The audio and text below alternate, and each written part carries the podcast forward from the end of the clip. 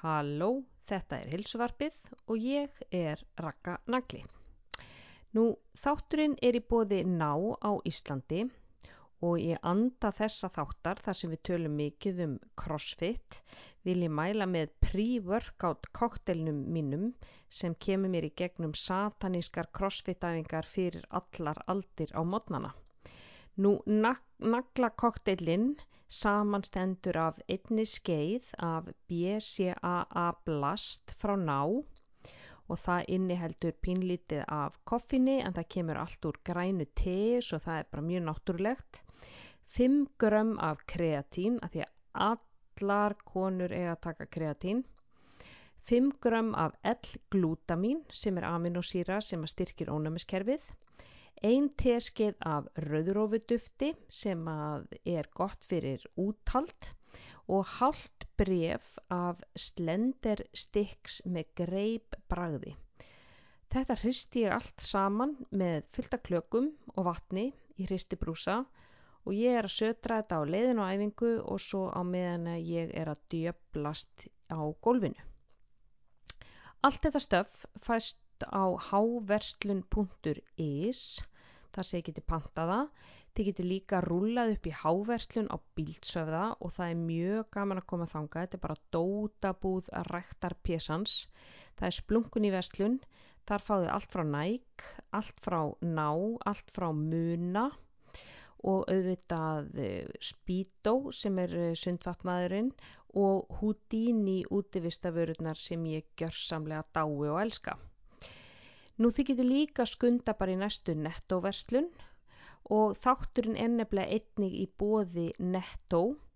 Ég mæli með að kíkja á systemavörurnar en ég nota sérstaklega mikið gufusjóðaran til að spara mér tíma þegar ég er að elda gremmiti eða karteblur. Uh, þá hendi ég bara í, í gufusjóðaran, þrykki í örbylgjófnin og við erum að tala um svona 3-6 mínútur fyrir eftir hvað gremmiti ég er með og þá bara máli dögt og máltíðin er fullkomnið með góðum skamti af græmiti. Nú eins eru stálvatsbrúsarnir, þeir eru besti vinur aðal í rættinni því að þeir halda vatninu ísköldu í allt upp í 8 klukkustundir. Ég hef mér þess að teki með á ströndina í sko 37 steg að hita á Ítalju og vatni var ískalt allan daginn. Nú það er einnig hægt að nota fyrir heitadrykki eins og kaffi og te og það helst alveg heitt í einhverja fjóra til fimm tíma. Nú í þessum þætti af heilsuvarpinu er ég að tala við hann Ella en hann er eigandi Fenrir Elite Crossfit sem er staðsett á höfni hotnafyrði. Hann á magnaðasögu þrátt fyrir mjög ungan aldur þá hefur hann gengið í gegnum eh, að bara ná botninum, hann, hann fór eh, gegnum þunglindi, kvíða, hann glýmdi við fíkn en hýfði svo sjálfan sig upp, stopnaði crossfit stöð sem gengur alveg ótrúlega vel á höfni hotnafyrði.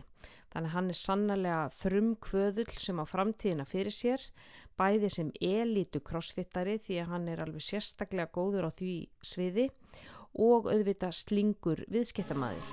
Skemmtilegt spjall við kláran og duglegan mann, ég vonaði njóti ég að vel og ég, gjöru svo vel.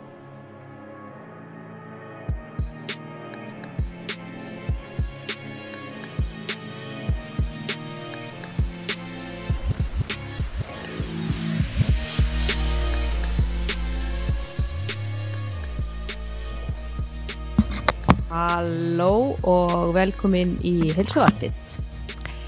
Ég er hérna með góðan gest, Erlendur frá Fenrir Elít, þetta er alveg tungubrjóður. þetta er tungubrjóður. Já, á höfn í hotnafyrði, hvorki meira enn í minna. Værstu velkomin í hilsuvarpið. Já, takk hjá það, takk hjá það fyrir að fá mig.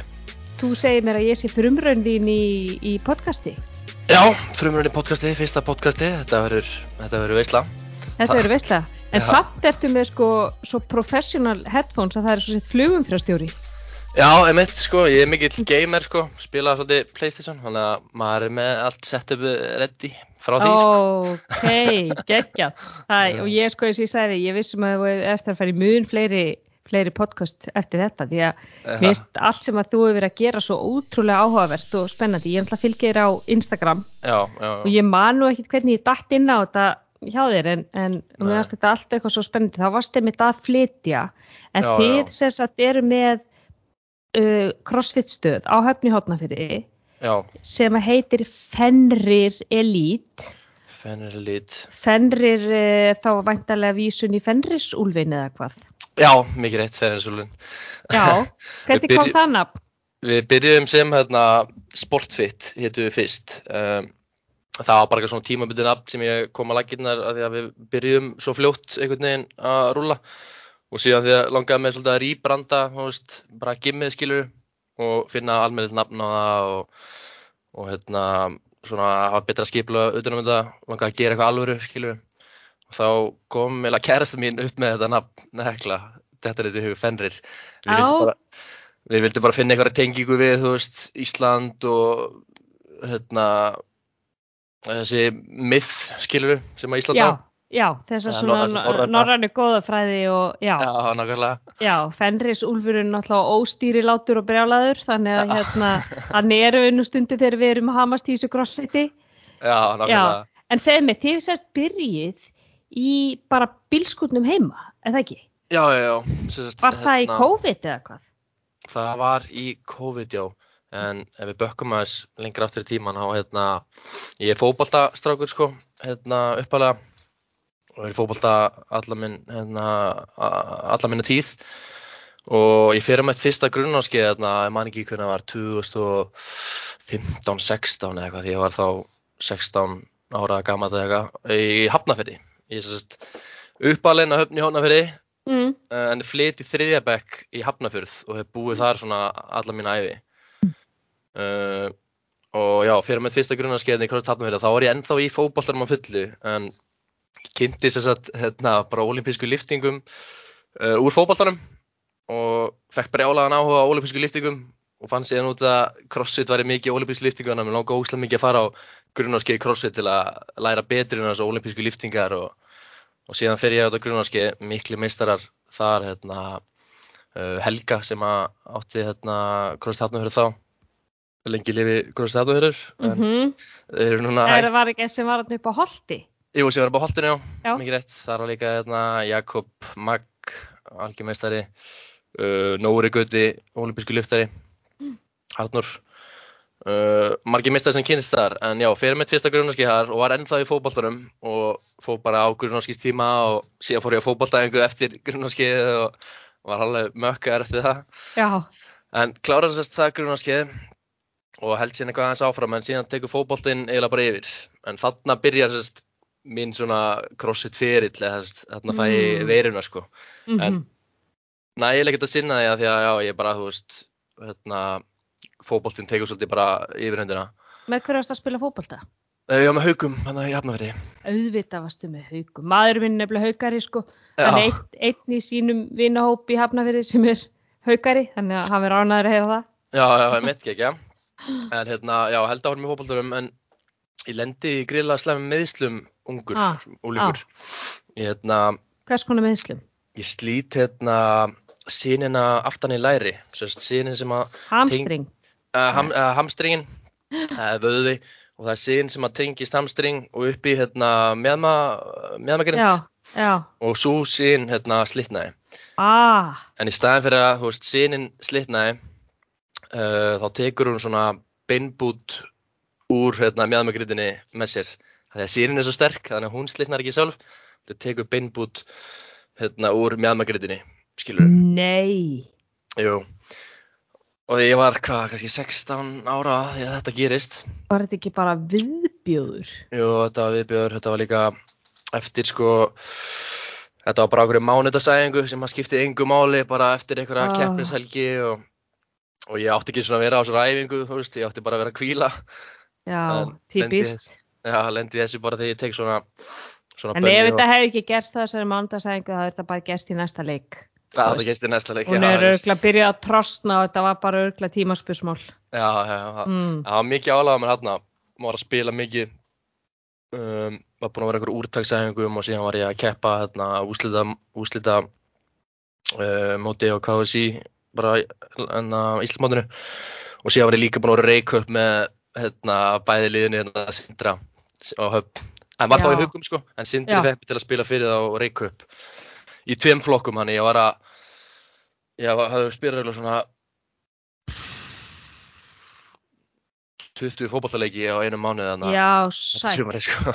Að þú veist, þú hefur verið búin að þjösnast á hamstring, en þið eru hamstring meðsli í fótbolta alveg gríðarlega algeng. já, því miður. Og það Það má er þessi sprettir eða ekki? Það er þessi sprett, ég má líka reykja þessi meðsli kannski helst til á álag. En líka bara, ég var rosa, ég var ekki duglegur að tegja, ég var bara mjög stífa hamstringa, þú veist, ég náði ekki Mm. tennar á mér og var ekkert að sinna þeim og, og svona kultúrun í kringum svona fótbolta kannski á þessum tíma og ég veit ekki hvernig það er í dag en allavega enn í dag bara svona liðleiki, það er ekki lagt mikla áherslu á hann sem að veldur náttúrulega bara uh, mikli me meðsla þetta. það er lítið um mobility, æfingar, flexibility og allt þetta. Það er ekki, Já, já. ekki, eru ekki góðvott Nei, það er ekki góð þarna sko. Ég held að það sé mikið betra í bænum núna heldur en það var. En ég veit eins og hérna höfn þá hérna, hérna, ekki svona mikil áherslu að lögða á þetta en, en ég er alltaf að það við krakkana sem ég hitti að tegja vel á til að fyrirbyggja sem meðsli ungur. Mm. En allavega, ég lendi þessu hann ungur Mhm. og þetta er bara ár í burtu, skilur við. Mm. Og þá byrja ég að lifta rosa mikið. Að Mm. hérna, bara svona every books ég gæti náttúrulega ekki verið í crossfit eða í olimpíski liftingum náttúrulega bara lama fyrir neði mitt innanast þannig ég fer ógslag mikið að lifta bara svona every books og fæ rosa mikið náhuga á því uh, erum við að tala um það bara bodybuilding? Já, bara klass- bodybuilding. klass- Klassist, já. já, mhm. já. og hérna og hérna, já þannig að þetta er ár í burtu sem ég er bara að lifta og síðan eftir þetta eina ár þá kemur í ljós að það hafi grerið vittlust já. Þannig að eftir þetta ár þá hérna, var sendt mér í aðgerð en ég fór ekki aðgerð uppfæðlega því að þessi meðsli voru bara ekki þekkt hjá svona ungum einstakling, valla hjá Mm. fullorðum einstaklingum Mm. hafa að sé þetta. Þannig að það var veist, ekki sendt í aðgerð, sagt bara að þetta myndi gróa og ég var svo ungur og svona. En eftir þetta ár þá bara eitthvað, herru, þetta gerir vittlust og núna það bara fara að bomba þér í aðgerð og það er bara 50% líka góð að getur, veist, spila fótbolt aftur. Mm. Hvað er þetta gamall þarna? Þannig er ég 16 ára gamall. Mm. Ég er bara, já, í tíunda bekk Mm. 15, já, 15 ára 15-16 ára og hérna það var greiðlegt áfall bara á þessum tíma var að ganga svo vel og þetta eru bara tvö ár tekið frá manni í boltanum Mm Og tvö alveg svona gullin ár líka. Já. 16, 17, 18 ára. tvö gullin ár sko, það er strákarnir sem að hérna, ég tók alveg vel fram með mér sko, þegar ég komið tilbaka þarna eftir tvö ár en það þýtti bara, þú veist þá fór ég þess aðgerð og ég var á hækjum bara í alveg sex mánuði eitthvað eftir aðgerðina Mm og hérna og það þýtti bara en þá meiri upper body liftingar skilur, ég held með bara lífið hannig en þetta var mjög svona mjög svona þunglindisleg ár sko, sérstaklega setn árið svona því ég líkt tilbaka þá, veist, ég hefði alveg þurft á okkur um íþjóttasólfæringa að halda á þessum tíma því ég var bara mjög látt niðri andlega skilur Mm. Mm. uh, þetta En- hafði líka Hvernig, hvernig varst eða orðin í læginu þegar þú ert búin að vera að taka upperbott í stanslöst í tvö ár? ég var alltaf með rosalega þrýhöfða eftir hækjurnar og, og ja, með þessi bara í tvö það var komin smá mótun á mig ég skulle segja það Já, ég er svona velti fyrir mig bara, þú veist, ég kalla stundum að vera á svona blómvandarprogramminu sko, því að margir kallmenn þeir sleppa sko fótadögum, þannig að þeir eru bara all upper body og svo er ekkert að frétta sko sunnan mittis. Já, alltaf hefði ekki verið svoleiðis og, Já, og náttúrulega allt orðið rýrt líka hjá þér eftir, eftir aðgerðir og, og meðsli. Já, einmitt einmitt en allavega, og síðan þegar ég kem tilbaka úr þessum meðslum fyrir að geta að spila fótball aftur og veistu, aðgerðin hefnaðist vel og ég náði bara að rekóra vel og, og fyrir að spila fótball aftur og þá hérna, þrói ég með mér einhvers konar kvíða bara Ó. í mínum fyrsta fótballleik hérna, þegar ég kom tilbaka og fæ ég bara kvíðakast inn á vellinum og fór bara með sjúkrabíl hérna hef á spítala já, því ég vissi ekki sjálfur hvað er í gangi sko, ég fekk bara svona kvíðakast Svona oföndun. oföndun og gæti ekki Mm. andað og lá bara vellinum og það var hringt í sjúkrabíl og hent mér upp og já, svona erfiður tími að koma tilbaka úr þessu Hélstu að, að varstu rættur um að bara slíta aftur? Rættur um að slíta aftur eða bara ég, bara lélegur kannski veist, Mm -hmm. leið illan á vellinum og það var svona geðitt bara tvö ár sem ég var bara búin að vera rúmleikið inn ánast Já, sjálfströstið og sjálfsöryggið farið einhvern veginn og, og líka þú stólar ekki alveg á líkamann hvort að hann, að því hann er búin að bregðast þér einu sinni. einmitt, einmitt. Já, um, og þá taka við hérna nokkur erfið, erfið ár sko eftir þetta þá hérna stefnum byggi hafna fyrir ennþá og ég er hérna 16 ára nýbúin að jafna mig eftir aðgerina nei orðinur á 17 ára hafna eða verða 17 ára og fjölskyldum minn flytur aftur á hérna Hortnafjörð mm. og mér líst ekkert á það sko ég er Nei. ekkert að vera að fara í einhvern lítið, lítið, lítið sveitabæ þú veist, allir vini mínir í Hafnarfirði og bla bla bla Mm Þannig að ég ákvaði að fara hérna í, til Danmerkur í svona, ekki í líðháskóla, svona íþróttaskóla, Já. út að reyna- Jótlandi þá eða? Í Útlanda, þetta var í IVN heitir þetta. Uh, já, það er rosa mikið af svona íþróttalíðháskólum hérna í Danmark. Nálagt, nálagt Víborg, Já, ok, the happening place. eða Happening Eh, Place. Já, Eh, já, ég hérna til að finna mig aftur bara í fótboltanum, þú veist, námar að strik og, og hérna, fer þangað út og vera hérna í ár, bara í þessum Mm. mm. og hérna, kem heim aftur bara eftir þrjá mánu en þá hérna var ég bara mjög langt niður í andlega, ég fer hérna út hérna til að spila fótbolta og mjög fljótlega fer ég að finna aftur fyrir verknum að það sem er sleitt Mm, mm, það er náttúrulega trigger fyrir bara kvíða, panik, ræðslu, óöryggi. Já, já, Mm. og hérna fyrir að finna aftur fyrir lærinu og það verður bara allt ómögulegt. Ég var ekki að finna mig með hérna dönunum sem ég, veist, ég, ég hugsaði tilbaka þá bara, veist, hataði ég allt og alla og var bara endalaust að ringi mömmu, skilur, og ringi vini mína og, veist, var eitthvað mjög, mjög dánástu tíma. Þannig ég kem heim hann aftur til þrjá mánu og mamma var náttúrulega ekki sátt, skilur, hérna, Búið að borga fyrir þetta og og... borga fyrir þetta og vera þarna í eitt ár og bla bla bla. En ég bara verði að koma heim ég bara væli mig heim og Mm. náttúrulega get ekkert spilað þarna úti þannig að þú veist, ég er ekki að vera að vera þarna úti ef ég get ekki spilað, það er bara ekki sens hugsaði þá, skilur, ég bara er að koma heim þannig ég kem heim og ég fyrir bara beint hérna á hotnafjörð uh, og það var svona fyrst skipti sem ég kem á hotnafjörð aftur síðan ég var bara, eða veist, flutt á hotnafjörð aftur síðan ég var krakki Mhm. mm -hmm. alltaf komið hérna á sumurinn og svona en já, flytt hérna hónaveru og fyrir bara beint að vinna Þess, mamma og pappi eða pappi, hérna, fórstupar minn hann hérna, er eitthvað veitingastæði hérna höfn það var Mm. svona, hérna, katsi okkur við fórum aftur á höfn Mm. og ég fyrir bara að vinna þar og, og við taka bara mjög dimmir tímar sko. ég missi mig í bara eiginlega áfengisneyslu og, og Mm. vímöfnum Mm. uh, á þessum tíma en þess að alltaf að, hvað, svona 18 ára? já, svona 17 ára, 18 ára 18, já.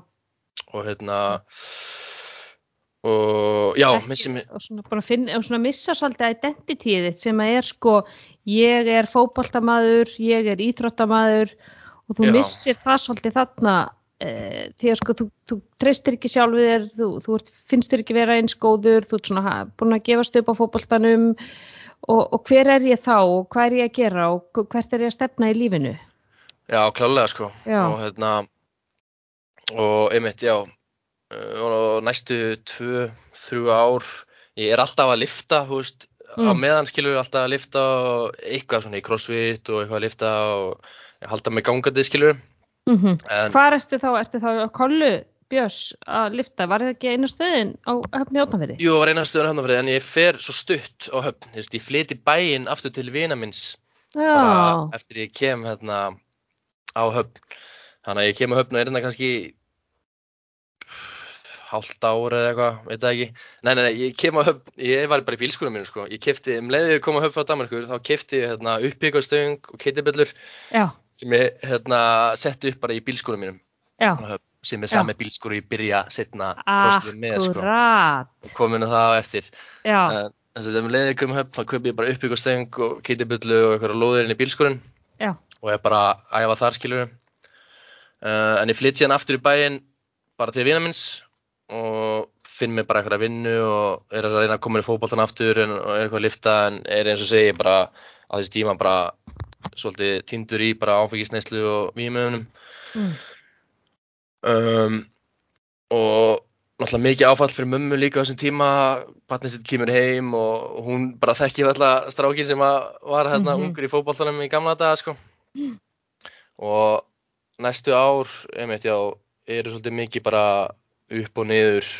Uh, en ég er í bænum kannski eitt ár og kem heim síðan bara aftur að því ég höndlaði ekki bara hérna, búi í bænum. Veist, það var bara Mm. allt auðvilt að detti í það og og svoleiði sko þannig að á einhverju breaking pointi þá bara pantaði mér flutu hotnaferðar og er Og það eitthvað, eitthvað tímapunktur þar sem þú steiki botnin? Bara, var, var, var eitthvað, veist, var eitthvað sérstætt sem gerðist sem að umturnaði þér eða þú veist bara, nei, heyrðu, þetta gengur ekki, þetta hinga ekki lengra eða já, ég, ég var bara vera flakkandi í bænum að búa hjá vinnum mínum og búa hjá pappa mínum og, og flakkandi í vinnum og var bara svolítið stefnur, bara ráfandi svo ölvaður unglingur á skólaballi, bara eitthvað. já, Já, já, svoleiðis og bara og vinna ég- bara eitthvað, eða hvað? vinna bara eitthvað, eitthvað þjóna Já. og eitthvað bara svona dæmi uh, en ákveður svona já breaking pointi bara, þú veist, það sem ég hef bara á bátninu með og þá pantaði mér flutu hotnaferðar er alltaf bara að fara til mömmu og ríða mig í gang. Og fyrir að spila fótbolt aftur hérna á höfn fyrir hérna meistarflokk Sindra. Mm. og þar gengum mér svolítið vel að ríða mig aftur í gang og stend mig alveg vel hérna uh, þar, þú veist, byrja að æfa og er ekkert að finna fyrir meðslunum, þarna voru svona kannski tvö ár sem ég var búinn að vera eitt, eitt, já, eitt og hálft ár kannski sem ég var ekki búinn að gera neitt. Var bara bara að gefast upp á fótboltanum. Mm hérna er ég orðin svona kannski átján að vera 19 ára uh, og byrja að spila fótbolt aftur hérna höfn fyrir Sindra og nota það svona til að ríða mig úr ruglinu sko. -hmm. og það gengur bara vel en samt er ég ennþá að drekka veist, með boltanum og svona þó sem ég að gera miklu sjaldnar en ég er samt að gera það skilur Mm uh, og tek eitt tímabil sumar sem að gengur bara vel í fótboltanum og, og hérna ég var mjög, á þessum tímabili var ég mjög þykkur ég var alltaf, ennþá alltaf að lifta sko Mhm. í hérna bodybuilding og var svona frekar þykkur fótboltamæður uh, og alltaf og líka alltaf að já ég var svona ekki, ég myndi örglára reikinu meistarlóki í bænum sko Já, ok. ég var bara að drekka þetta alla helgar Já, já, já, já, já. já, En Og þá þegar þú ert þarna í, sind, í Sindra. já, já, Já. En ég var allan ekki að gera á virkutum og, og Mm. svoleiði sko Mm. um, og síðan hérna já, setna tíma vel mitt síðan með Sindra þá fer ég aftur að finna fyrir meðslunum aftur Mm. en læri Mm -hmm. sem að veldi því að ég hætti e, að spila veist, Mm. ég reyndi að halda mér út sumari, held mér út sumari en spilaði, veist, kannski tvo leiki bara, veist, ég myndi var bara mittur allt sísoni Mm. um, og legg síðan bátinn á hilluna þar Já. síðan taka við svona e, já, ég kynnist einum stráki, Áskrimur Arason heitir hann Hann er nú með þér hérna í Fenri. hann er með mér fenneri og við hérna byrjum uh, byrjun eins árs að hérna lífta svolítið saman Mm. uh, eigum það svolítið sammeilegt hérna svolítið sammeilegt hluti og, og hérna eh, áttum báður í svona vímöfna vanda Mm -hmm. uh, en erum hérna þurrir og eigum vel saman og byrjum að lifta saman og, og ég fyrir svona hérna sína honum crossfit Mm. á crossfit-æfingar og við finnum okkur svolítið saman í því sem Og eru þið þá bara í bí- bílskúrnum að taka crossfit aðeins? Þá erum við, já, já, skiptist við á í bílskunum og í hérna sportullinu hérna hjá Kolubjörns, Já. erum mikið þar, Sjáta á þetta Kóli Björns. sjáttu til Kolubjörns Mm. og hérna, og já, við finnum okkur svolítið mikið saman þar og erum bara að stunda crossfit uh, saman í, já, bæði bílskunum og hérna hjá Kolu. Um, og síðan hérna berst svolítið bara þetta út svona til bæjarins þú veist, fólk sér okkur vera að æfa hérna crossfit og bara ákveða þetta ekki ekki að skilu eitthvað allir vilja æfa með okkur og svona aðeins og svona út frá því hérna byrja ég að fá þessu hugmynd skilu að hérna byrja hérna að þjálfa hérna þjálfa crossfit eða byrja já, þjálfa crossfit hvernig, hvernig, sko, hvernig gerist það? Þið, e, e, veit fólk af ykkur eða sér það ykkur æfa? Þú veist, er Já, bílskúrsurinn bara- opinn? Er fólk bara að lappa framhjá eða?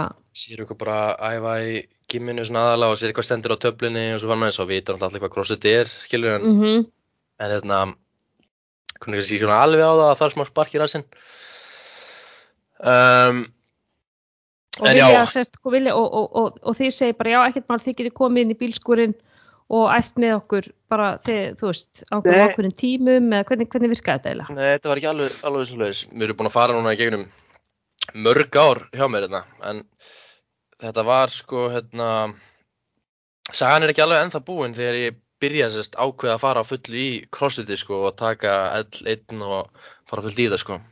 Já, fyrir það að- sem ekki vita það er L1, það er level 1, það er svona þjálfunaréttindi hjá CrossFit. Já, Já, já. Því að, já, minn er ekki alveg búin hérna, en já, ég og Ási byrjum að lifta þarna saman og síðan, hérna, slitnum við aðeins í sundur, sko.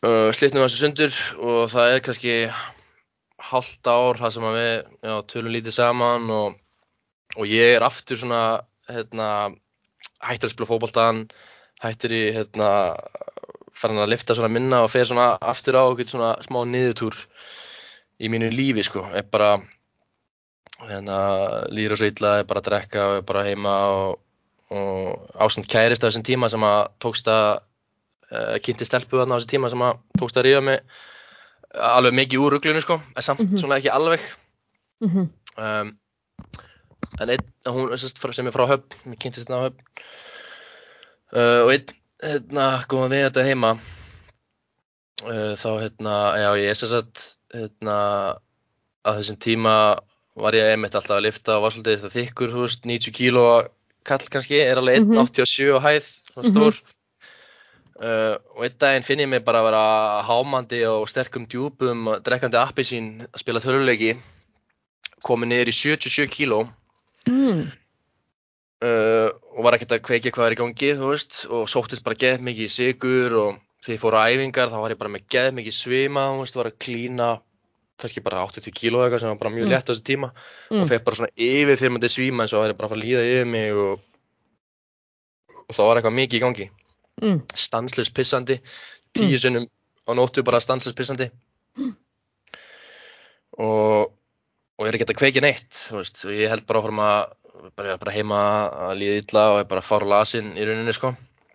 Þegar mamma og Hekla bara kærta minn sem bara farið til læknis skilu og ég fyrir til læknis og greinist það með hérna síkusíki típu 1 Já, Já, þá 20 ára gamall. Já, Góðan daginn. 20 var 21. já. Og ég er 23 núna, þannig að þetta eru svona Mm. tvö ár síðan. Mm. Og það var, já, annað áfall svona í mínu lífi. Náttúrulega bara mjög sérstætt svona, já, nánast fullvaksta kallmaður greinist svona seint, Mhm, skilur við. mhm. Það er þetta miklu, miklu fyrir og, og þetta er típ 1 sem er bara, hún er ekki áhannun, þetta er bara meðfætt. Nei. skilur Mhm. Genagalli eitthvað sjálfsóna með þú veist það veit ekki af hverju þetta gerist þetta bara gerist í rauninni sko Mhm. og það var mjög mikið áfall já og þarna er ég sko hérna búin að vera með þetta greinlega í smá tíma Mm. þannig einmitt ég var þarna 90 kíló komin niður í 77 gjössalega Mm. bara vöðvalaus og orkulaus og já eða bara svona mjög hóraður Mm. í rauninni sko Og næri, næri þið bara á, á djúpum og apsýnsáfa. Nei, það er mér bara, ég sótti svo mikið í sigur Já. bara til að fá orku, skilur, af því ég var Mhm. bara alveg orkulaus og þetta var mjög, ós- ég, ég, þetta var ekkert vant mér, veist, ég voru lengur, var ég ekkert mikið að borra nammi en eitt svoleiðis, þetta var mjög Mhm. óvant mér, Mm um, en já, greinist þetta með þetta og við tegum bara svaka ferli, veist, ég greinist þá bara sett mig í saltvatn og flutt mig bara beint í bæinn, mm. við þurfti bara að gista yfir nóttina á spítalunum, ég var svo hættulega hári blóðsigri, Mm en já, við tegum bara smá ferli að, veist, kynnast þessu og læra á allt þetta dótir í, sko, og hvernig það líða með þessu, þetta er náttúrulega ætti að byrja að sprauta þig með insulínu ekki og fylgjast með Það- blóðsikrinum og bara að byrja að spyrja um insulín og fyrst með blóðsökurum og hérna það sem að gerist þegar þú byrjar á insulíni er að insulín er mjög fitandi sem bara mjög gott fyrir mig hóraðan á þessum Mhm, tíma þess ég þyrfti að ég halda en þetta var smá svona learning curve mitt og þarna fer ég svona aðeins að æfa með þessu en er bara ennþá svona að kynnast hvernig er að bara að æfa með sikursíkinu og þannig sko. En á þessum tíma því ég greinist og er bara líka búið spítala þá tek ég bara svona ákvörðun í haustum að mér bara ok, þú veist, núna hættiru bara öllu fokkin bulli sem er í gangi í lífinni, skilju Mhm. þú veist, þú átt bara eitt líf og þú ert að fá alvöru áminningu hérna um að nýta til þess besta bara og hvað ertu búin að gera skrokniðinum, skilju og þarna ákveð ég bara, þú veist, ok, að fara að finna mig bara í lífinu, sko. Og þar kemur CrossFit svolítið stertinn, þar Mm. ég leitaði í það á, á þessum tíma.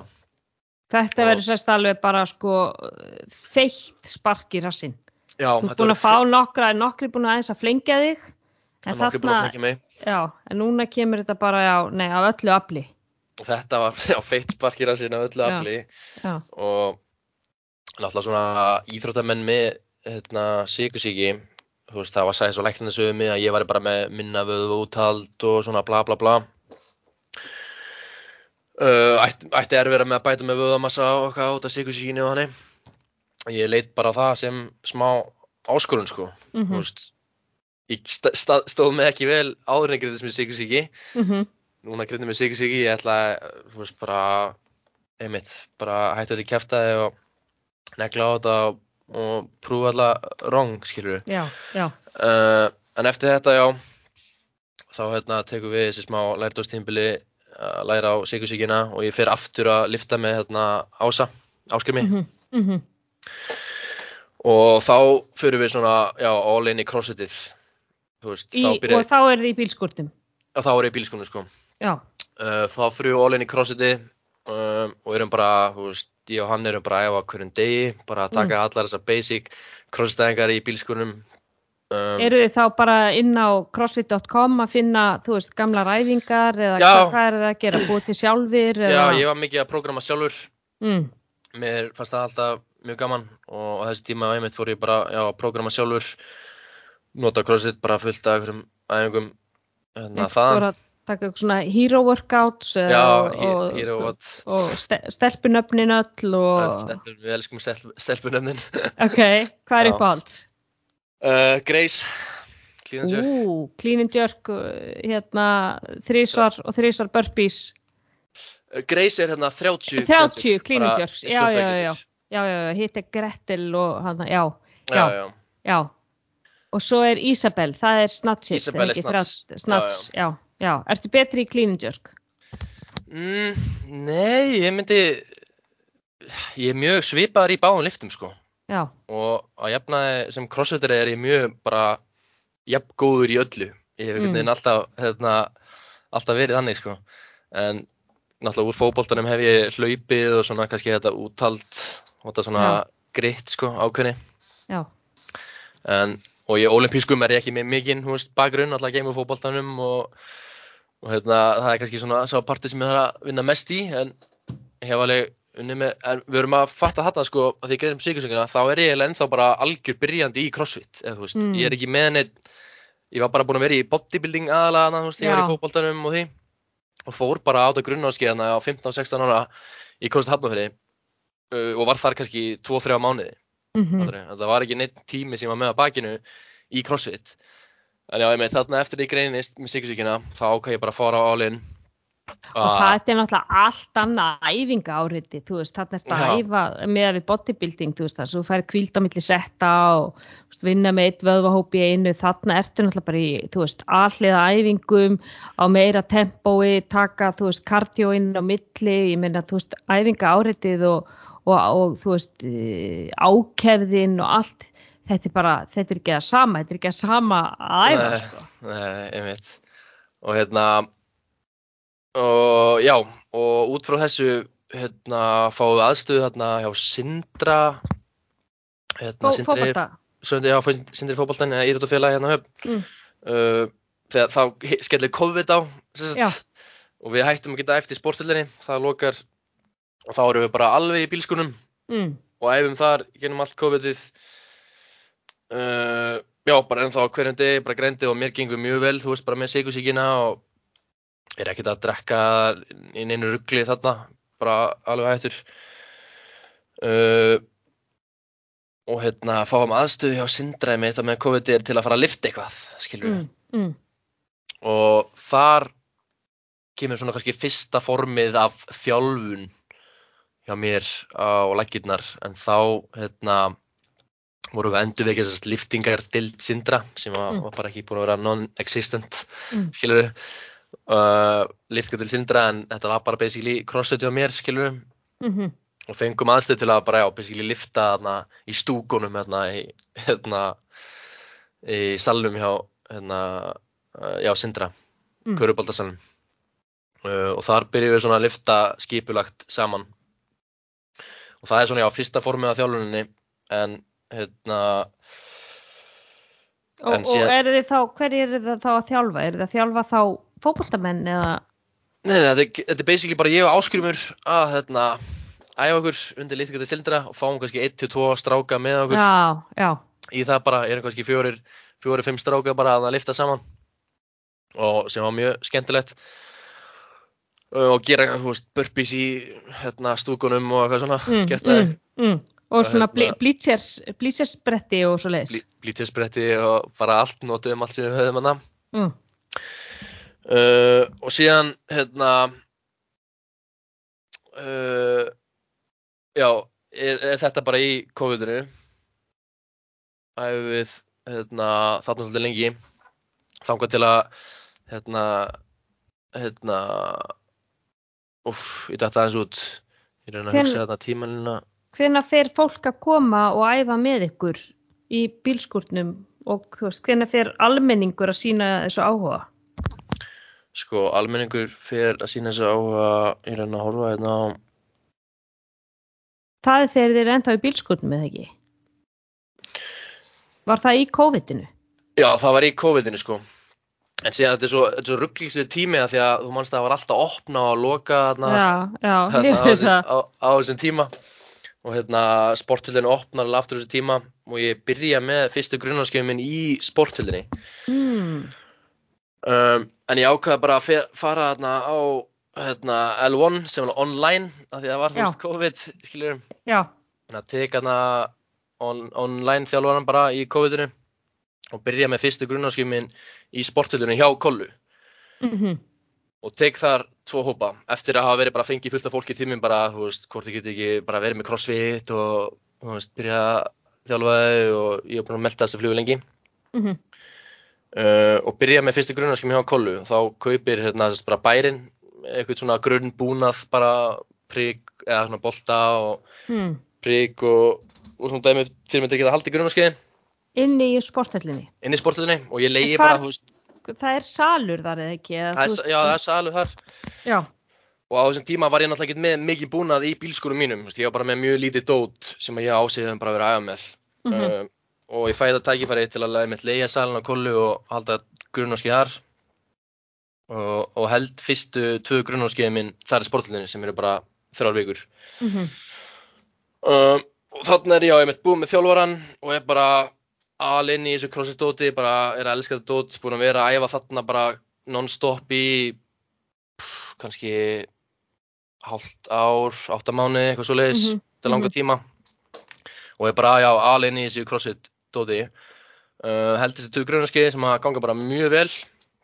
Uh, en eftir þessi grunnarskið þá hérna uh, ákveð ég bara þú veist, ég gæti ekki haldið áfram í sporthildinni því að þar einmitt var þessi salur, skilu, Mhm. en ég þarf að vera með tíma, skilu, yfir allan daginn, skilu, með tíma 6 á mótnana, 8 á mótnana, mm, 11, 12 í hátíðinu og síðan, þú veist, 4, 5, 6, 7 á kvöldin, skilu. mm, mm, Þannig ég gæti ekkert verið í sporthildinni að því ég var bara með salin allan daginn, alla daga, skilu.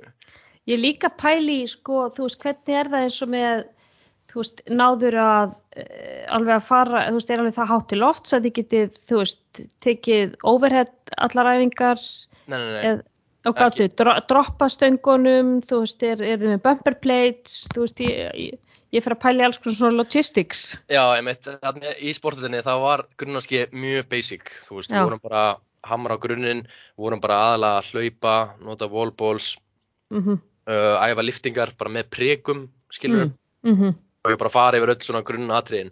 mm -hmm, Gekk mér vel, þú veist, og þetta, já, hérna, skipti þarna loftæðin og það er ekkert máli með þessu grunnarskið og á grunnarskiðum skipti það ekkert máli því að þú ert bara basically Mhm. að tala og Mhm. sína fólki reyningarnar, skilur Mhm.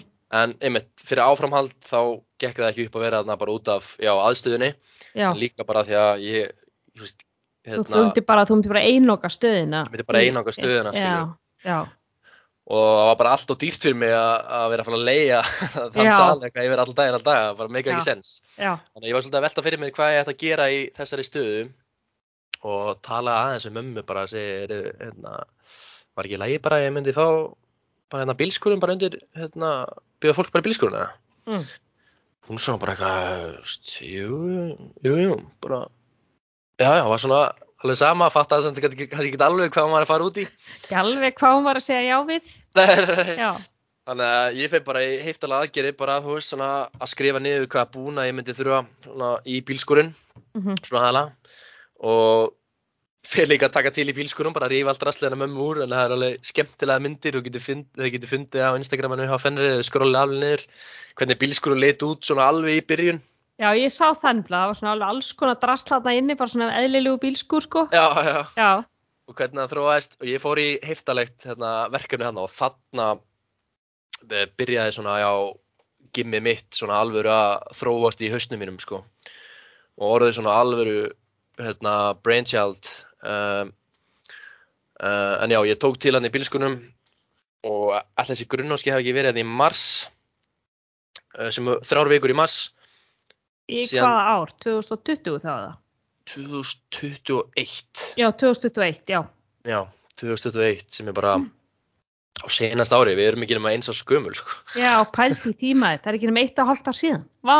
Já, já. mhm, Að Nú erum við komin á tíma þar sem ég man tímalínuna vel sko. mm, Það við erum ekki að að rugglast meira hérðan en já, held þessi grunnánskeiðan í mars uh, og eftir grunnánskeiðin langaði mér að halda áfram alltaf og öllu fólkin að halda áfram, veist, Mhm. allir bara voru að elska grunnánskeiði, gekk mjög vel mér leið mjög vel, en ég gati ekki haldið áfram í sportlinni, bara aðstæðan og tíminn skilur meikaði ekki sens, reikndaði meikaði ekki sens þannig já, já, ég ákvaði að fara inn í bílskurinn mamma gefur mig greint til þess að það til að bara allan april í að hérna, setja það upp veist, bara Mhm. greiða bílskurinn og plana hvernig ég ætla að gera þetta og byrja sér satt í mæ á senast ári mm, að hérna, bjóða fólki í bílskurinn að taka æfingar.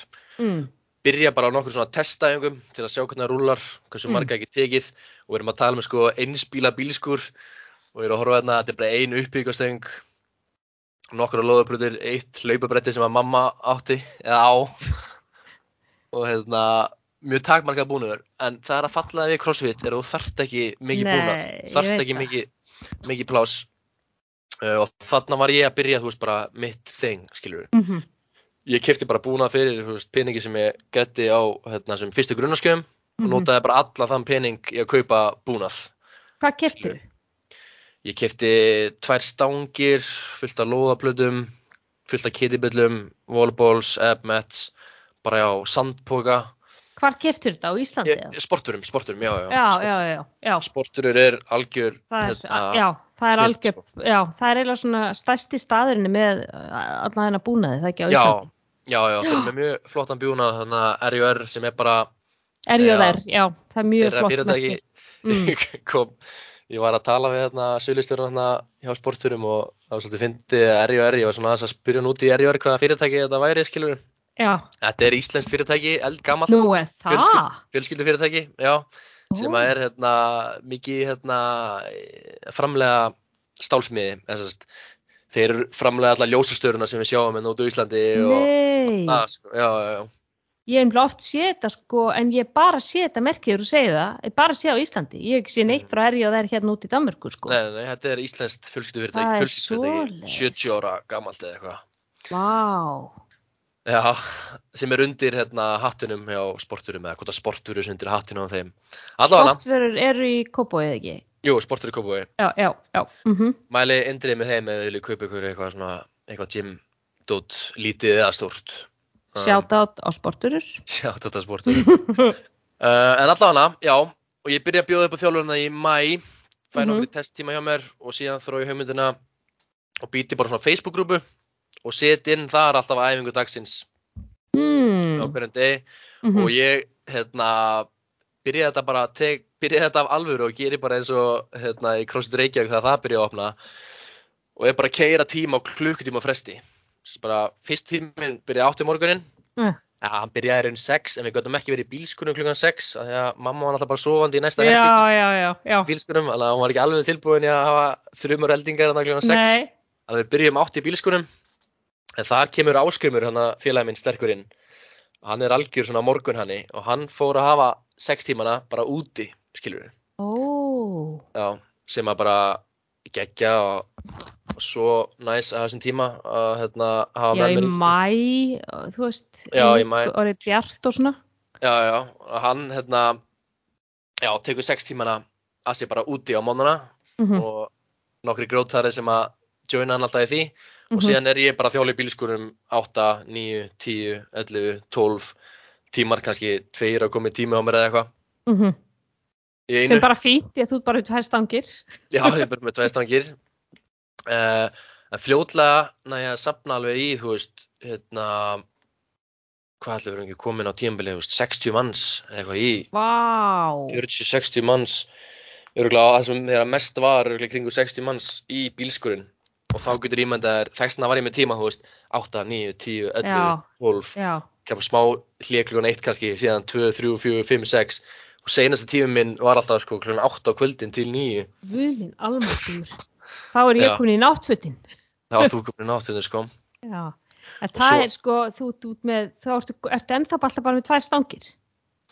Nei, sérst, hérna, þetta í mæi var byrjunin Mm. og við erum þarna allt sumarið bara mæ, Mhm. júni, júli, ágúst um, september ok uh, og hverju mánuði, bara frá mæ mánamótin júni, mánamótin Mm. júli mánamótin ágúst þá er ég alltaf að kaupa inn nýtt út Mm. í mhm. bílskurinn, bara hver Mhm. mánamót að gera þetta hérna, betra og flottara og, og hérna, bæta með búnaði Hvað kostar einn svona stöng á Íslandi? Í dag kostar liftingastöng 35.000 kannski ótilsastöngin ég man að þá Já.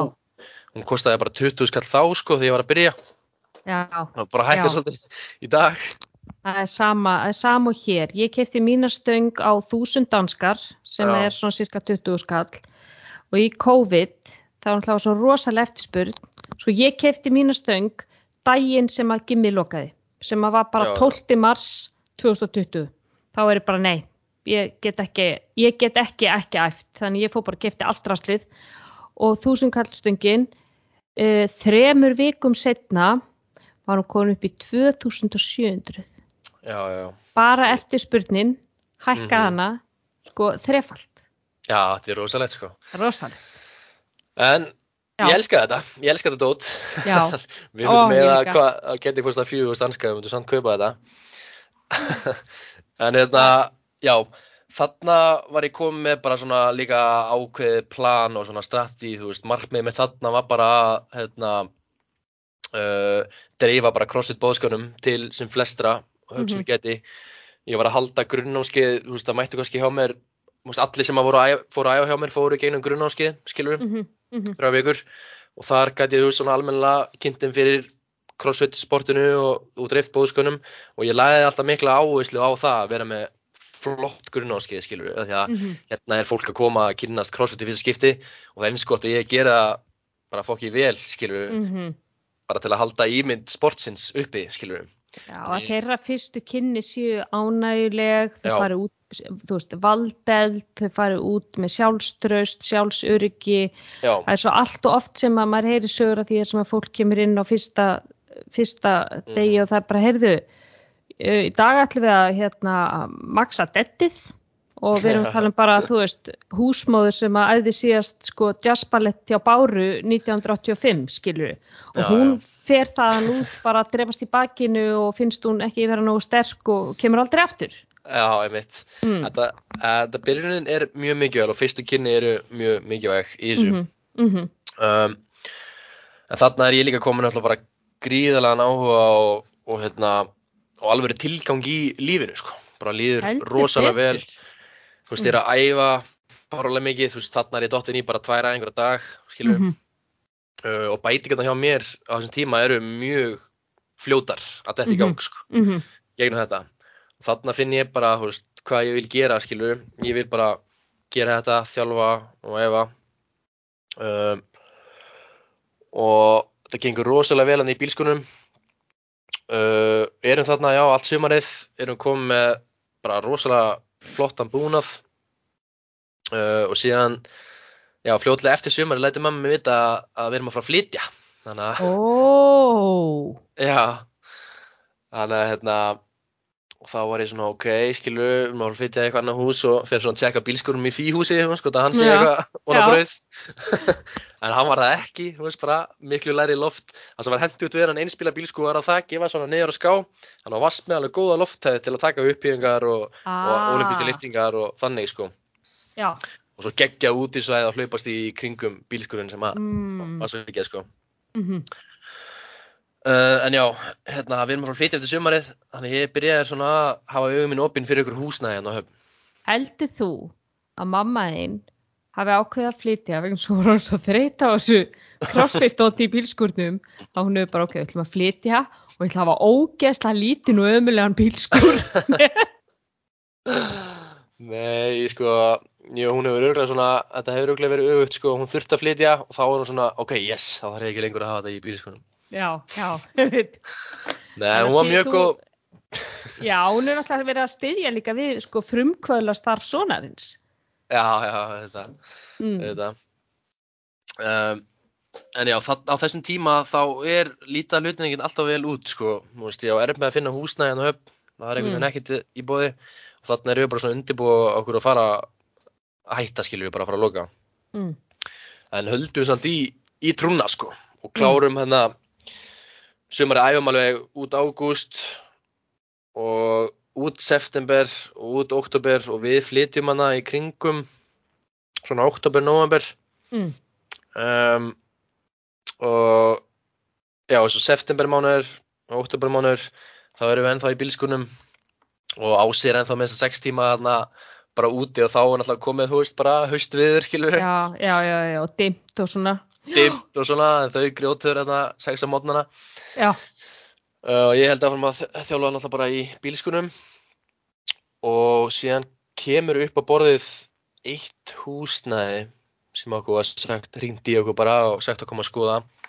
Það er húsnæði sem við erum í í dag en það er gamla kaffeterjan í gumlu síldavinslunni hérna á sjárótusfyrirtækjan Ginney já, ok. Er Um, það þá eitthvað nála topp hérna, sport hvað, hvað heitir þetta?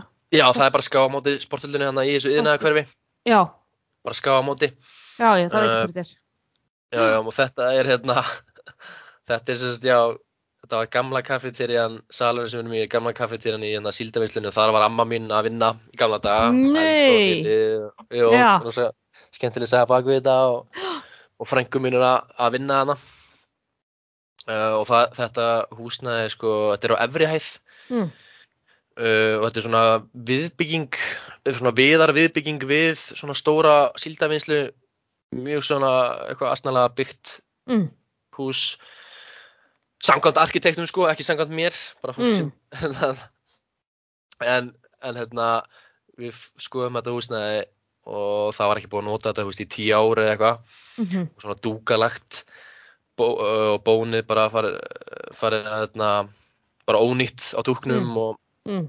og það var svaka challenge að hérna að flytja hann inn sko en kosturinn við þetta sem ég sá fyrst við þetta var hvað það var hátt til lofts já, maður sér Já. það á myndunum það er rosa hátt í loft Já, það var svona fyrsta sem ég tók eftir og fyrsta hérna, því ég hugsaði bara, já, ok, þetta geti virkað, skilur, að það er svo hátt til lofts.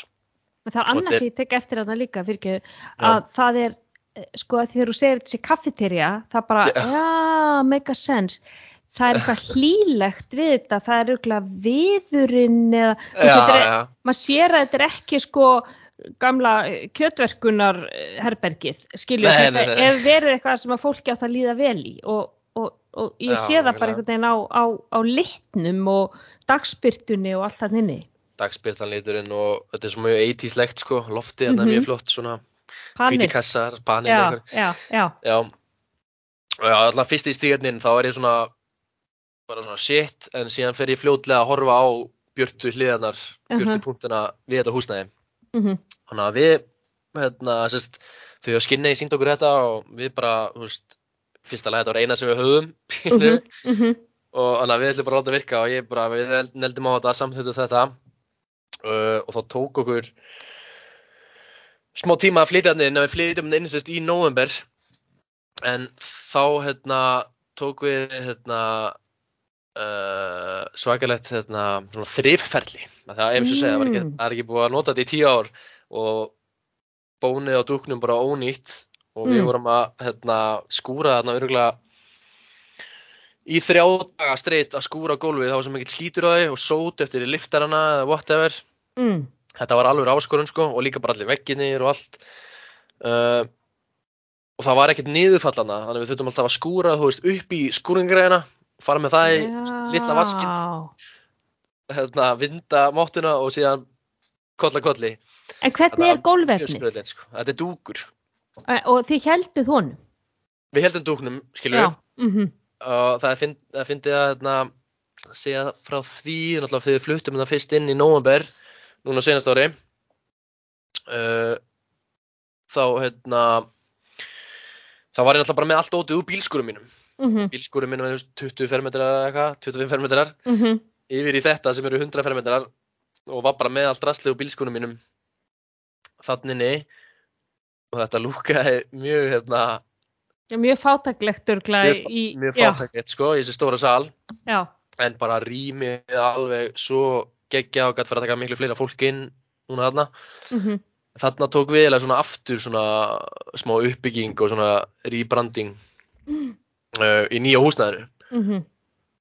Um, já, flyttum hann inn í november og þá byrjaði, veist, bara með ný grunnváski og þarna, í genið sumarið var ég búin að vera með grunnváski í hverju mánuði, þú veist, bara Mhm. mæ, júni, júli, ágúst, september, Mhm. oktober og síðan eru komin í november í nýja húsnæði flytjum þar inn, tilkynum að við sem komum í húsnæði og sem að fara að flytja hanga inn Hvenær kemur nafnabreitingin? hún kemur þarna í, bara þegar við flytjum í bílskurinn, eftir grunn Mm, skil. já, já, já, þá heitir þetta strax Fenrir. já, já, alltaf ekki verið svona í júni, júli Mhm. við opnum í bílskurinn í mæ og Mhm. svona í júni, júli þá breytum við fennir elít Mhm.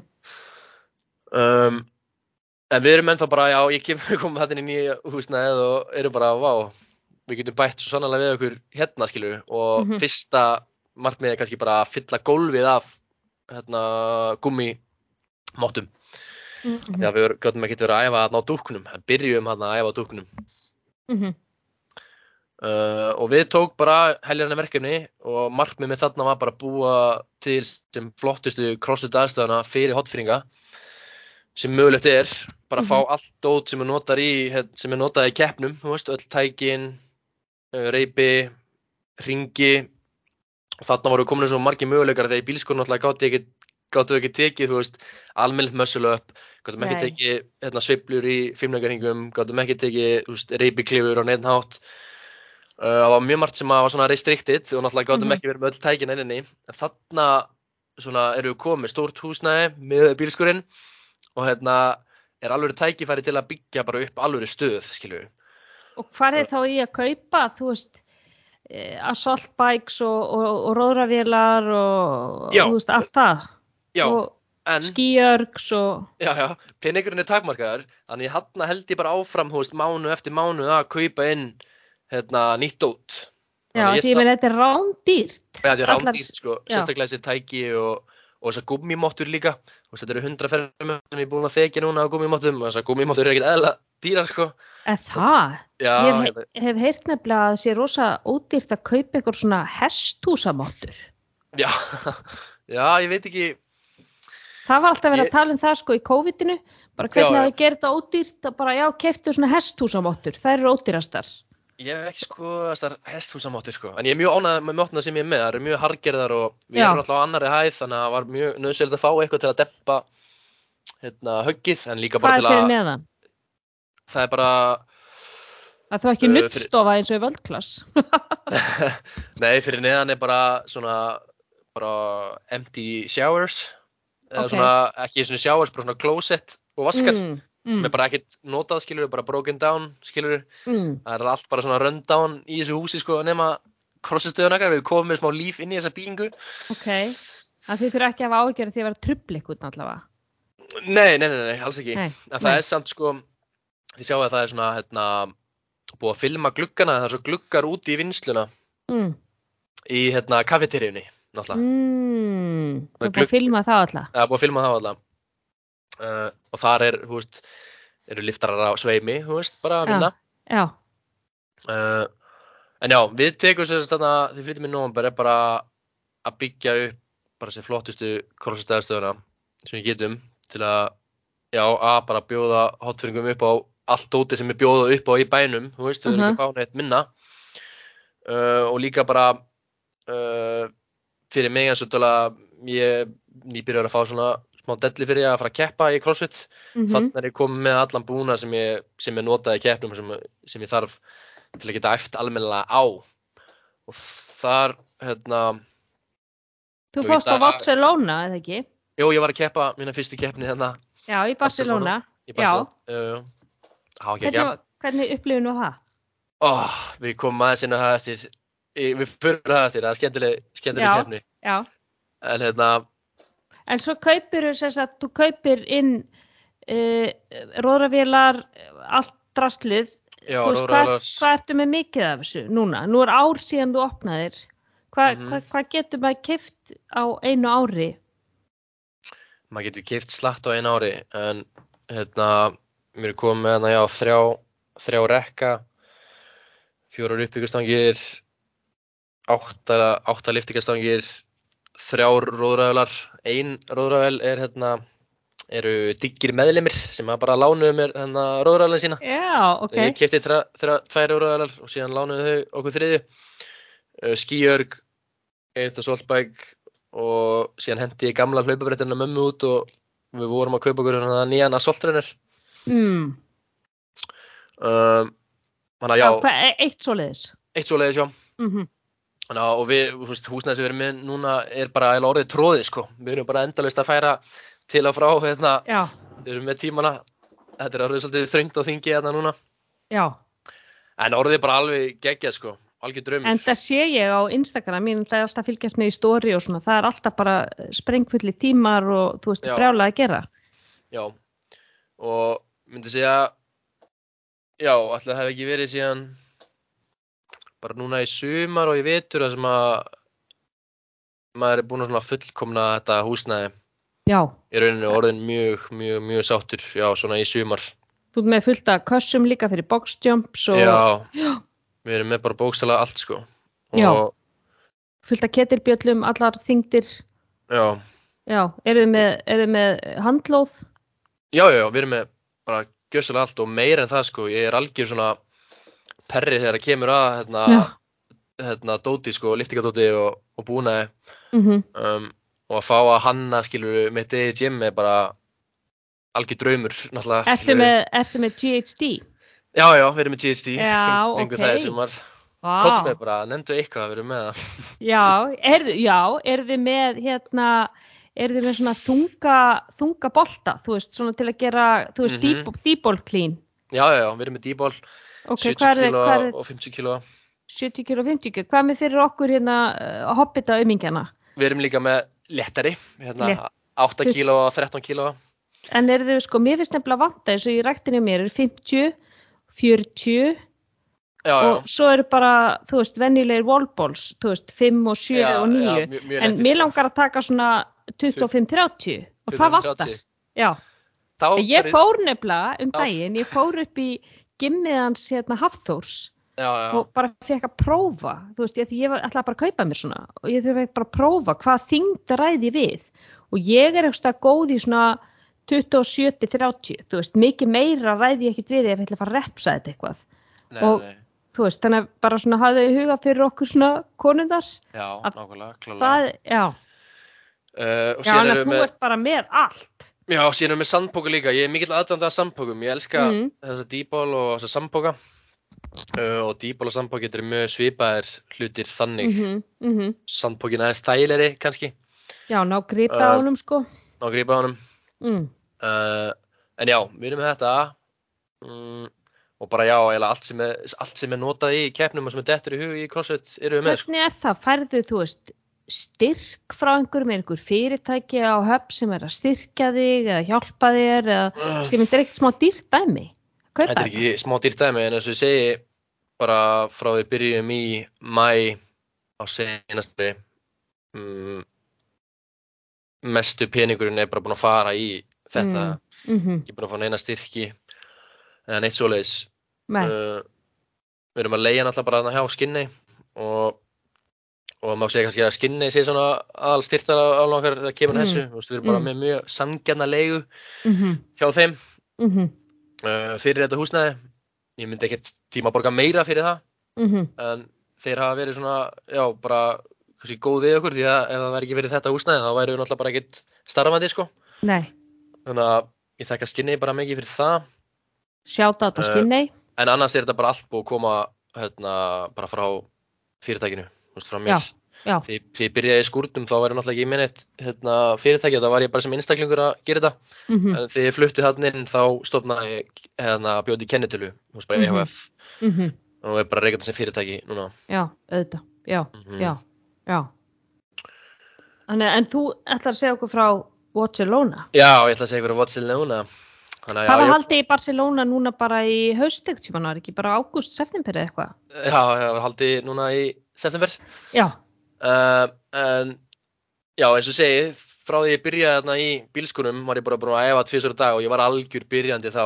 Og ef þið sjáu þarna gömul myndbund á Instagram sjáu þið hvað ég var astnalegur þarna í reyningunum En mér fannst einmitt sko þú vera svona alveg með natural talent. Eiginlega frá uppáðust, maður sér gömul myndbönd að þú ert algjörlega, þú, þú reyfir þig, þú veist, þú ert svona svo fallega reyfingar. Já, já, Þetta er alveg, þetta er greinlega kemur svona svolítið natural fyrir þig.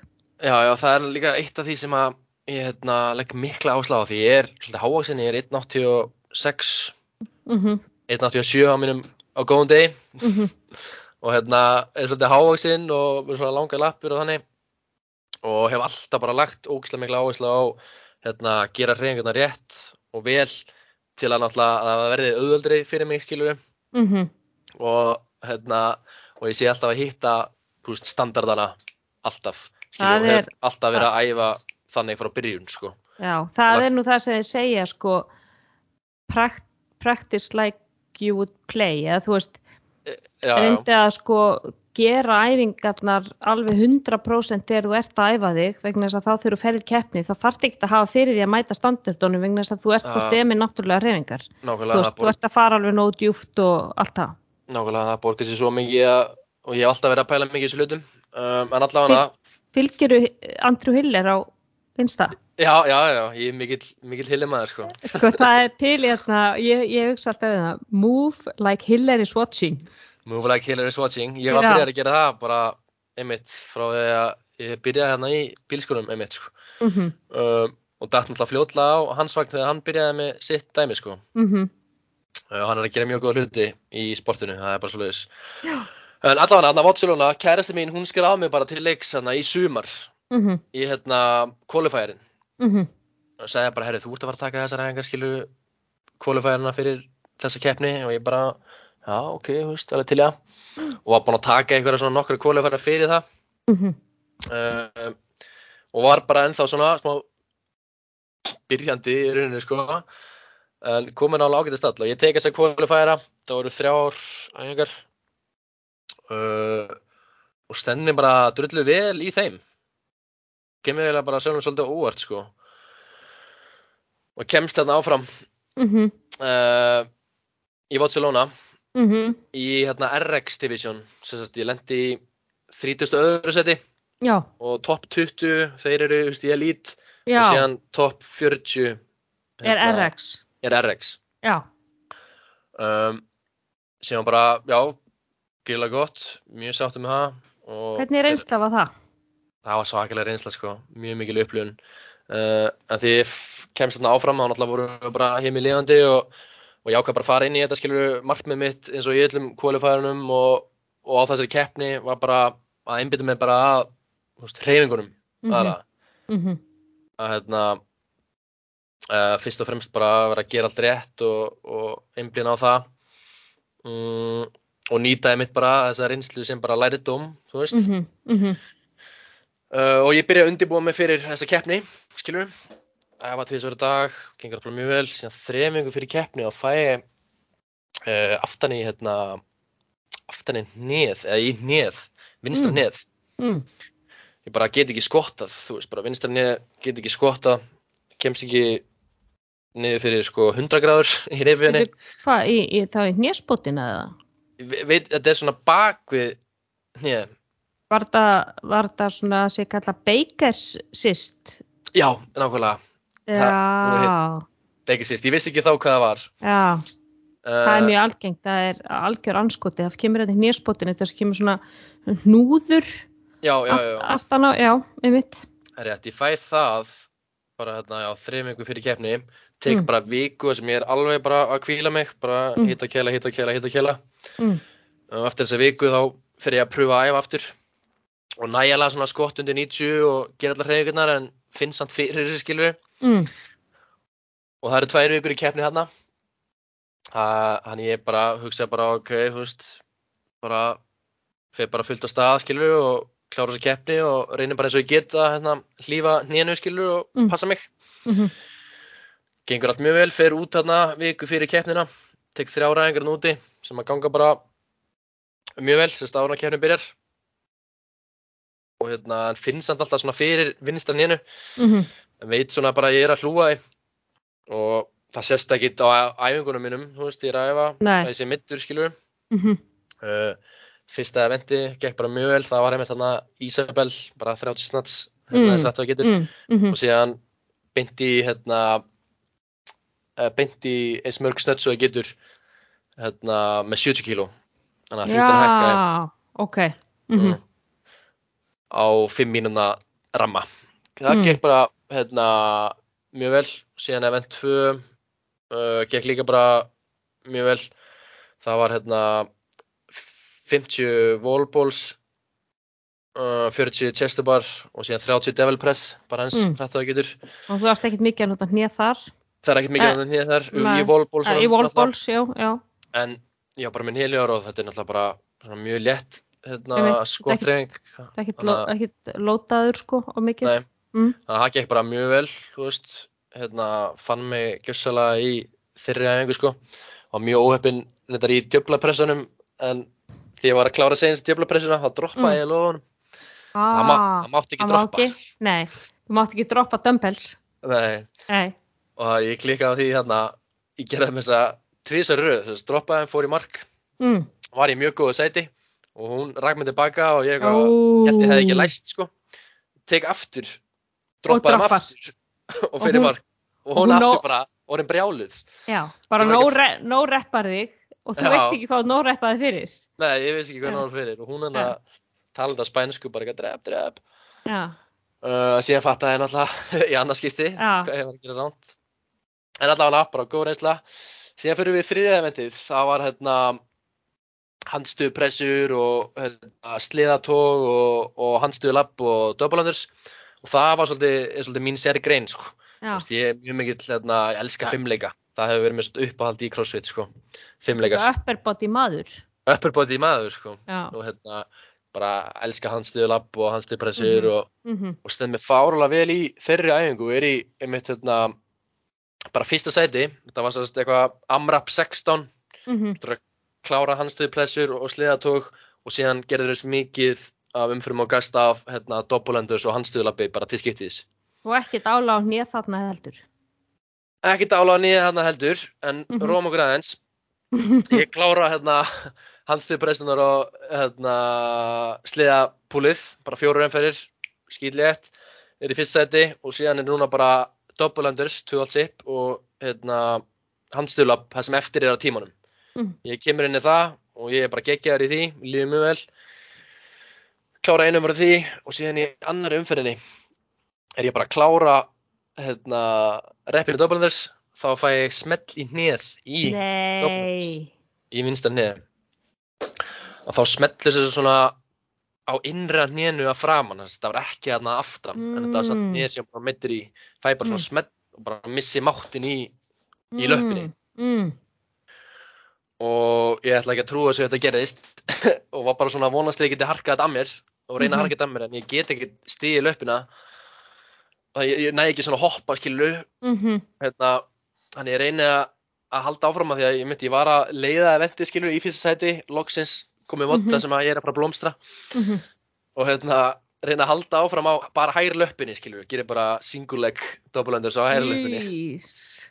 og þá smellur í hægri hinu bara sami smell og ég gæti ekki stiðið í báða lafinnar þannig að þegar það gerist þá bara hérna, hendi ég sippanir frá mér og og segja að þessi komið gott sko. Og ég veit ekki alveg hvað gerðist en ég feð bara hann að beint í sjúkurhálfara eftir þetta Mm.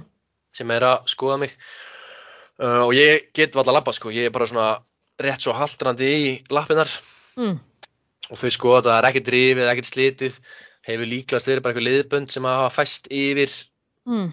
bein og tilbaka skilur Mm. eða, og tekstaðum eða eitthvað þannig að það var alveg ógíslega vond og svo svekkjandi tímapunktur sko þegar það gerist.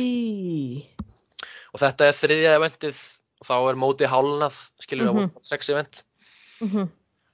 um, og það sem var svo meira svekkjandi að eftir þetta það voru svo skemmtilega event sem kom eftir 4, Mm. 5 og 6 þá átti eftir að fara í veist, bar muscle ups og ring muscle, ring muscle ups sem er bara mín sérgrein og uppáðstofnum í þessu uh, sem var svo svekkjandi að missa af en samt sem þessi fyrir þrjú event var gríðalega mikið reynsla og upplifun Mm. fyrsta svona alveg keppni sem ég tek þátt í og, Mm.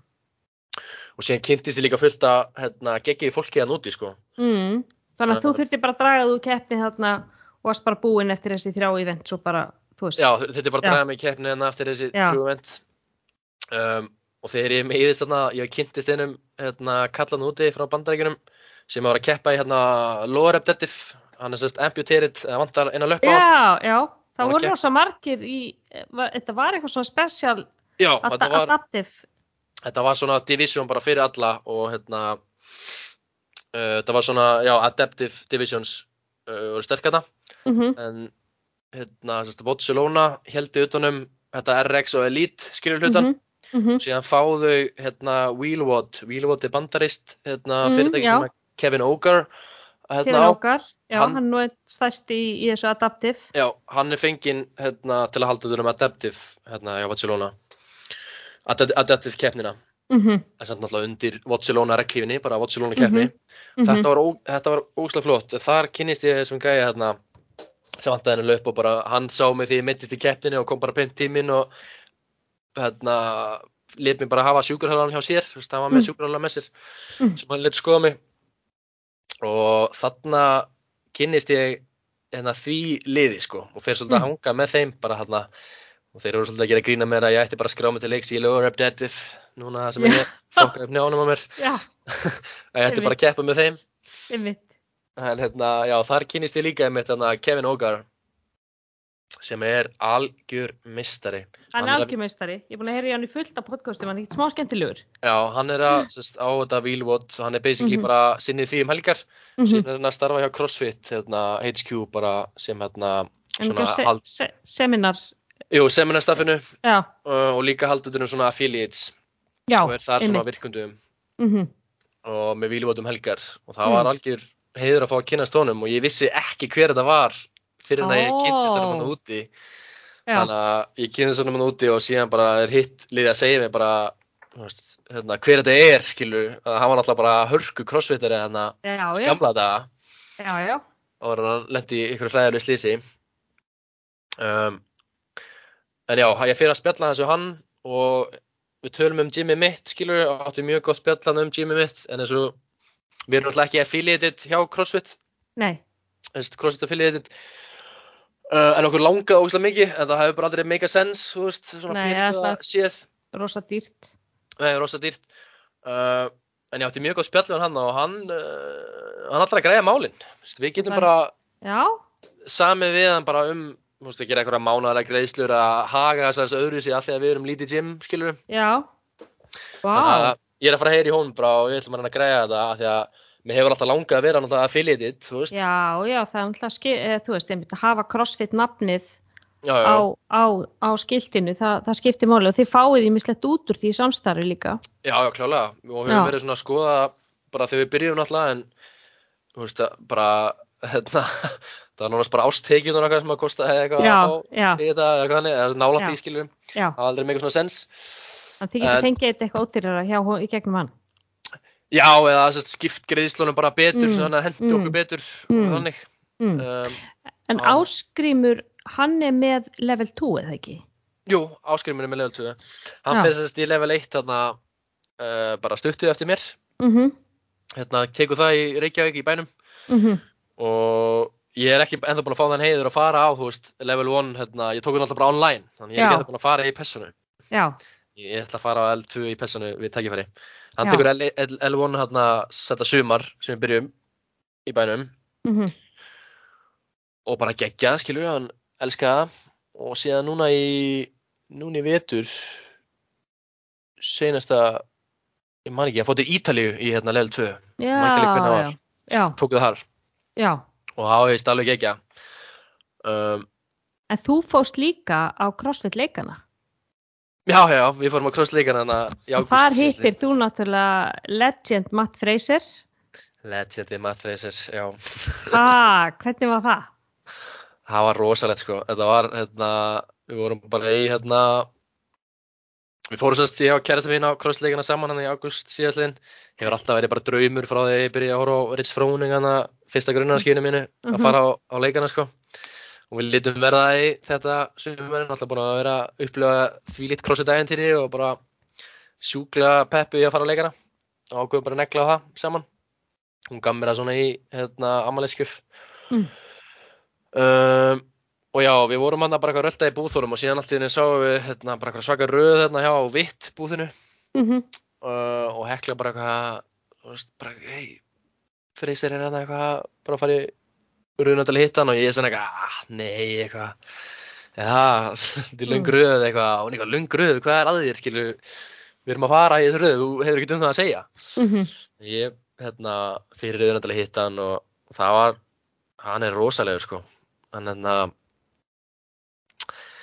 það kemur kannski ekki óvart uh, að það hefur komið óvart hvað hann er lítill, en ég er náttúrulega mjög Já. hann er pingu lítill.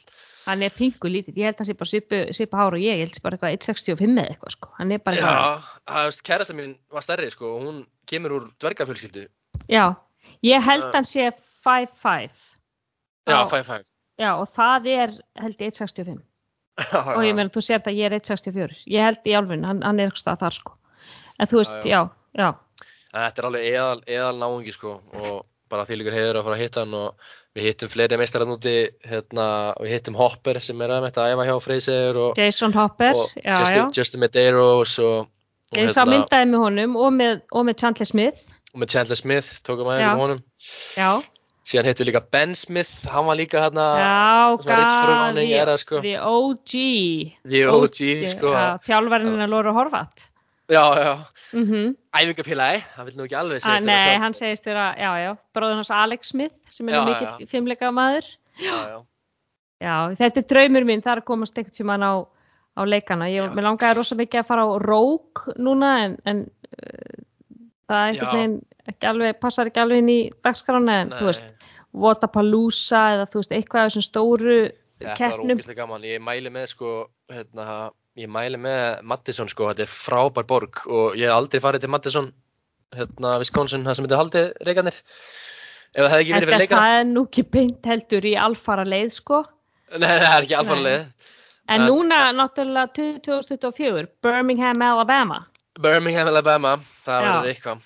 Það verður eitthvað fyrir okkur Íslendingan að fara þangað í, í 98% straka. já, já, já. Þannig að, já, en það er allavega, þú veist, það verður allavega gaman að, að- prófa eitthvað tímann að fara á, fara á leikana, það er eitthvað sem, sem Já, að maður verður að gera sem, að sem gera, sko, crossfitari. þetta var, þetta var, þetta stóðst alla væntingar og meira sko, að vera. Já, Það er bara svo leiðis. það fyndi að sko vera hamast í þessu alla daga og svo hefur maður sjúklega áhuga á því að horfa annað fólk vera hamast Já. Já, já, og hlusta á öll podcastinn og horfa á öll YouTube-vídeóinn og þú veist að maður er bara algjörlega sko Þetta var- sósaður, þetta er köld. Þetta er algjör kult og það var líka svo ógæslega gaman að vera inn á leikunum af því að það voru allir bara svo fárulega næs og allir einhvern veginn bara vinnir, þú veist, við vorum alltaf að hitta nýtt fólk og Já, mann í einu eventi þá hérna, var event sem var úti uh, þess að á parkinu. Og við fórum hann bara við gyrðinguna skilur og sátum staðar að, að horfa bara eins nálægt að gátum.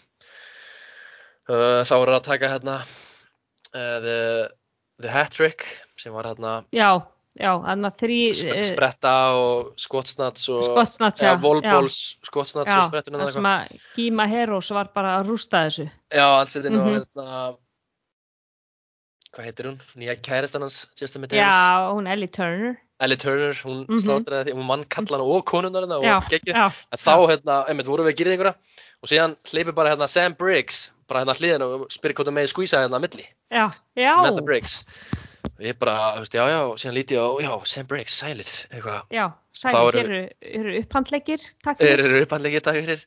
Og þá er hún að horfa á MM og Quaid, hérna, stelpunum sína, Quaid er áfram Mhm. og, Mm og fa- við förum eitthvað að spjalla bara og súpunæðis kona og, og já, bara svona, svona hlutir sem að gerðist í gegnum alltaf að leika. Þetta var geggju geggju upplun, ég mæli með fyrir alla Á, ég trúi því. að skella sér, sko.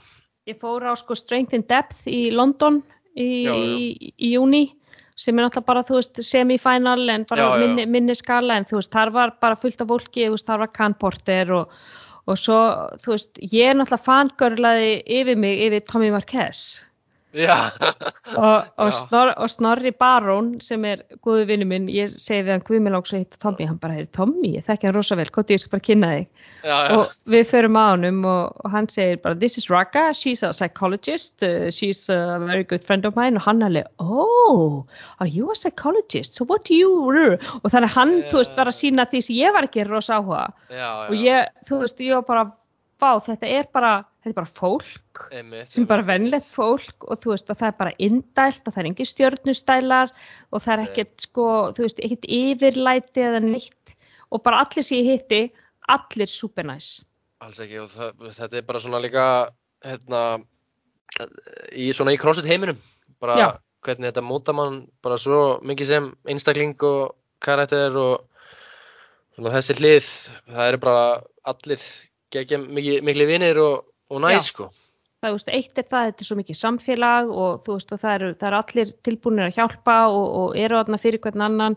Og svo er líka bara, veist, æfingaformið, þetta, þetta er óþægilegt, veist, ég, ég mér leiðist að segja að við erum að þjást saman, við erum ekkert að þjást, þjáning er, þú veist, að fá ekkert að borða í eh, átta daga, skilur, það Já, er þjá, já. þjáning, Já, að vera eitthvað að líða óþægilega í, í klukkutíma, bara æfist að uh, kræmja river, sko.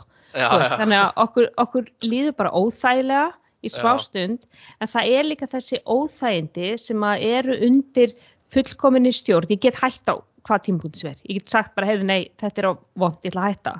Þannig að þú veist, ég hef alla stjórn það gerur okkur svo ógeðslega sterk í lífinu, þú veist, það er þessi segla, það er þessi þrautsega, það sem að hver einasta fruma líka maður sé bara hættu þessu, þetta er vond að þú veist að maður er bara nei, nei, við erum að fara að halda áfram og eitt reppi við bótt og klára þetta og geta þetta og þú veist þetta jákvæða sjálfstal og hvetja sjálfan sig áfram í hausnum.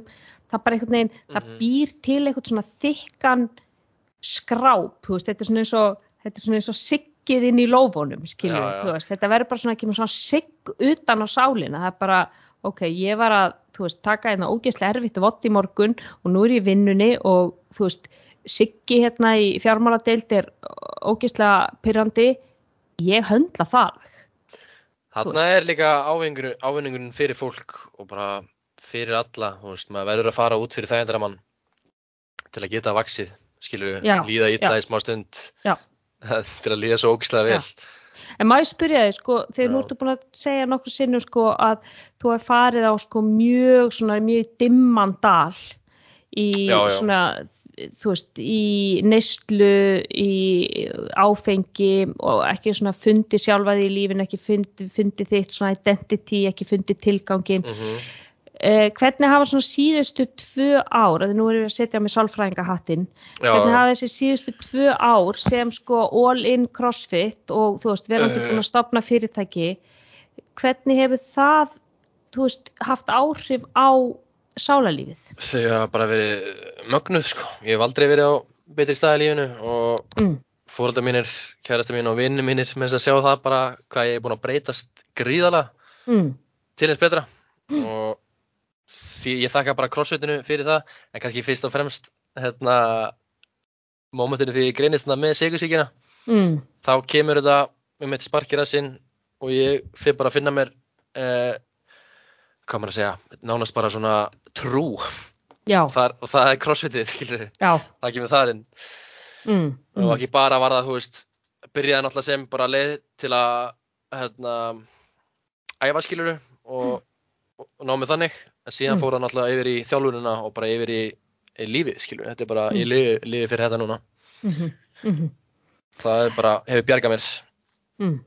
og síðan þessi tvö ár hafa verið bara draumi líkast Já, þannig að þú, þú ert núna á bara mjög góðum stað, andlega, góðum stað, líkaflega, allt. mjög Já. góð staðandlega Og mér gengur bara frum, frumkvöðl og ert að gera alveg frábæra hluti fyrir, fyrir fólki á höfni hotnafyrði, þú veist, að, að gefa þeim topp Mhm. aðstöð til að yðka, yðka crossfit og, og bara það er svo dásalegt að fylgjast með þér á Insta og, og hérna hvað, hvað þið eru dugleg og hvað þið er flott og hvað þið er að byggjast upp og, og svo er bara náttúrulega sko miljón dólar spurningin, hvað er upp á alls skómerkið upp á skómerkið Hvað er best í, hvað er best í crossfitið? Uh, ég verði að segja, hérna, Nike Metcons er, er upp á skómarki mitt núna, sko.